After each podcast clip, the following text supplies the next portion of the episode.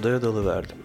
Az önceki odada her şeyi bırakarak ve şimdi girdiğim odada ölü olan birilerini bulma ümidi taşıyarak. Ben mi? Ben hiçbir zaman raftaki en iyi kitabı seçemedim. Halbuki o rafta iyi bir kitap olmak isterdim. Beni duydunuz mu? diye bağırdım şu an bulunduğum odadaki ölülere. Beni duydunuz mu? Eğer beni duyuyorsanız biri elini kaldırsın. Bedava bir dondurma istiyorum evet. Bunu gururla söylüyorum çünkü şu an bulunduğum yerde ölüler var. Ve ben diğer insanlardan ne istiyorsam yapmak zorundalar. Odadakileri ben öldürdüm diye değil, üzgün olduğum için bana bedava bir şey vermeleri gerek. En azından sadece bugün. Ve genelde biri sorduğu zaman yani günün nasıl geçiyor dediği zaman iyi olduğunu söylersin. Yani asla boktan demezsin. Günün nasıl ve cevap iyi. Bana dondurma verecek kıza öyle demezdim. Ona sadece boktan derdim. O da bana neden diye sorardı ve ben de bir oda dolusu ölünün yanından henüz çıktığımı söylerdim. Yani bu bu büyük bir olay, değil mi? Ama sonra o kız ağlardı. Yani sonra onu sakinleştirmem gerek ve bunu hiç istemiyorum. O yüzden günün nasıl geçti diye sorduklarında sadece iyi diyeceğim. Ama aslında yani neden böyle söyleyeyim ki? Yani daha az önce yerlerde bir sürü ölünün olduğu bir odadan çıktım. Ve sanırım bu kez boktan demeye hakkım var değil mi?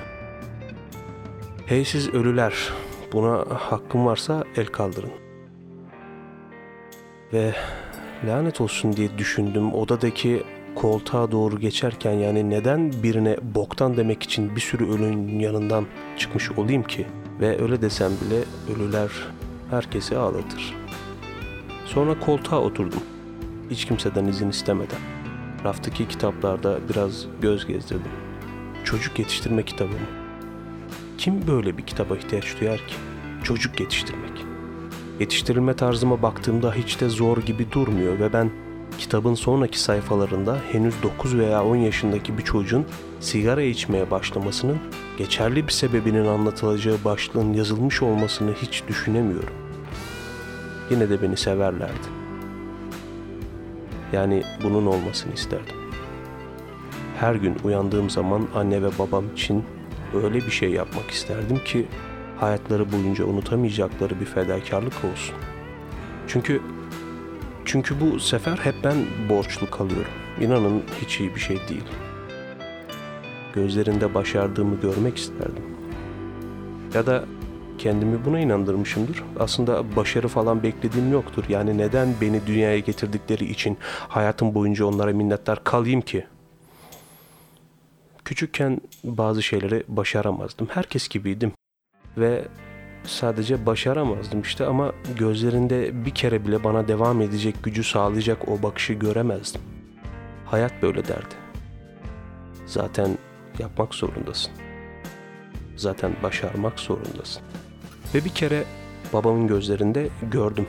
Bisiklet sürmeye başladığım ilk gün elleriyle bana destek oldu.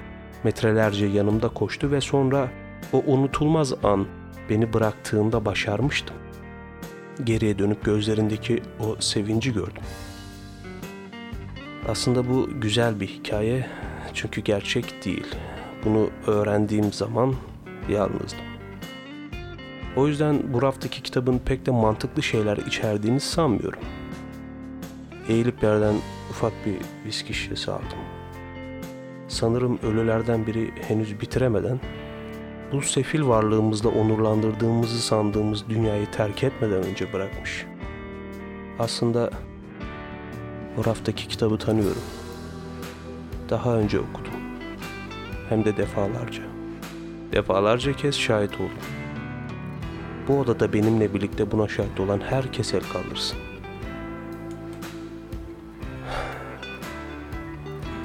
Yalnızlığın mod olması gerçekten güzel. Yani en azından bir şeyi diğer insanlardan önce başarmışım. Ve sanırım bu kez benimle gurur duyacaklar. Yalnız olmak bir şehirde boş boş dolaşmak veya odada tavanı izlemek değil. Tek başına şarkı dinlemek veya vakit geçirmek de değil. Aynı buna benzer gelişim kitaplarında yazan her şey saçmalık. Yalnız olmak demek aslında şehir sizi yutacak kadar kalabalıklaştığı zaman başlıyor demek. Odada tavanı izlerken değil, kapıyı tıklatacak kimse olmadığında başlıyor. Şarkı tek başınıza çaldığınız zaman değil de müziği artık duyamadığınızda. Vakit geçirdiğinizde değil artık vakit geçiremediğinizde başlıyor. Biliyorum odadaki ölülerin yanında çok fazla konuştum. Yani sonuçta sözümü kesecek biri yok. Öyle değil mi? İyi bir şakaydı. Keşke bu ölülerin bir tanesinin cebinden bir mektup bulsam ve benim hakkımda olsa. Mektupta beni ne kadar sevdiğini, bana ne kadar güvendiğini ve beni ne olursa olsun öldüğünde dahi destekleyeceğini yazsa. Buna inanmayı isterdim. Daha fazla konuşmak istemiyorum sadece. Kafamı biraz havaya kaldırıp derin nefesler almak istiyorum. Ve bunun beni bayıltacağını bilsem ya da ayaklarımın dibindeki ölüler gibi yerde öylece yatıracağını bilsem yapar mıydım emin değilim. İşte benim sorunum bu. Artık yaşlanıyor olma gerçeğimin yanı sıra hala ölecek cesareti kendimde bulamamam. Çünkü hala bir gün bunu değiştireceğime inanıyorum. Bu rafı tanıyorum. Aslında bu odayı tanıyorum. Küçükken bu odaya çok gelmiştim. Her seferinde bu marka viskinin tüketildiği bu oda bana acı ve ızdıraptan başka bir anı bırakmamıştı. Mutlu gibi görünürdü odadaki herkes. Mutlu değillerdi. Ama devam et derlerdi. Mutluymuş gibi yap. Sürekli yapmaya devam et. Sonunda rol yaptığını unutacaksın. Buna inandım. Bir gün gözlerinde bana güven dolu bir şekilde bakacakları ihtimali yerine buna inandım çünkü ben bu odada büyüdüm. Yerdeki ölü dediklerim ise ailem, annem, babam, erkek kardeşim ve küçük kız kardeşim. Üstlerine basmadan geçtiğim iyi oldu sanırım. O raftaki kitaba göre büyütmeyi unuttular beni. Ya da son bir mesaj bırakmayı, ölmeyi bile beceremediler.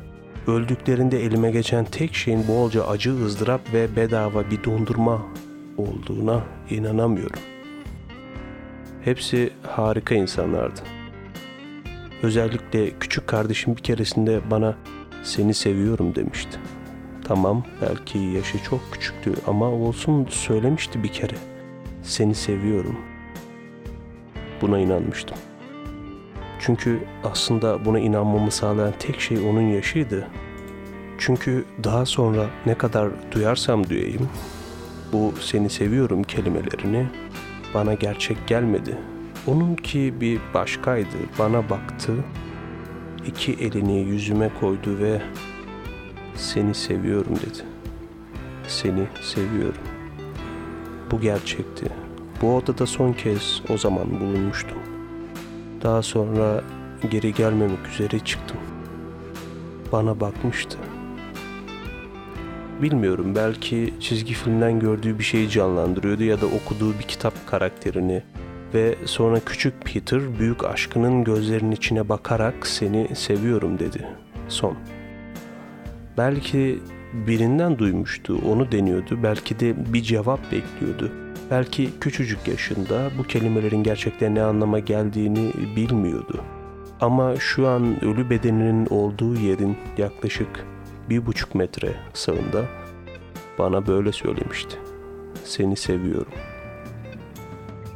Bir tarafıma kocaman bir tekme attığından haberi yoktu. Bu odada ne işim vardı benim belki de hiç gelmemeliydim. Belki de gerçekten dondurma yemeye gitmeliydim. Ve yerde olmalarına rağmen benimle dalga geçiyorlar. Kendilerince bana son kez kazık atıyorlar. Peki hepsinin içinde bir tek benim ayakta olmama rağmen neden hala gülemiyorum? Çünkü bana ben küçükken ve bu odadayken öyle söylendi. Sen busun ve bir tedavisi yok. Güzel hikaye ve bu hikaye beni ağlatmayacak. Siz orada huzurla ölmüş numarası yaparken ki hiçbirinizin huzur içinde ölmediğini biliyorum. Bir viski şişesinde dibi görmeye çalışırken oturup ağlamayacağım.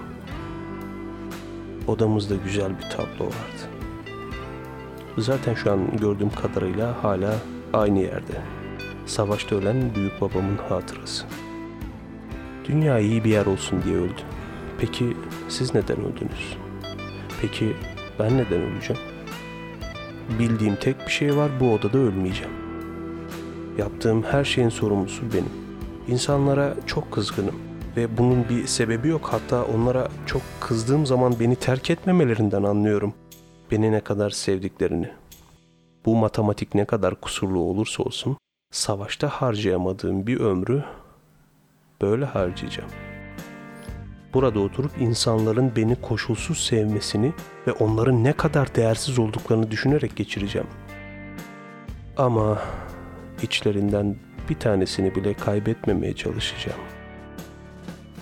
Çünkü benim yaşadığım dünya onlar, evim onlar ve onlar beni koşulu ne olursa olsun terk ettiklerinde hiçbirini hiçbir zaman affetmeyeceğim. Aslında yorgunum baba. Sen iki metre önümde yere uzanmışken ben bu rafın yanındaki koltukta çok yorgunum. Bir gün sevdiğim herkesin öleceğini söylemiştin. Ve küçük kız kardeşim çok şanslı eğer dediğin doğruysa onun sevdiği birileri hala yaşıyor. Ve o aslında yaşadığını zanneden zavallı bir gün sevdiği herkes ölecek diye kimseyi sevemiyor.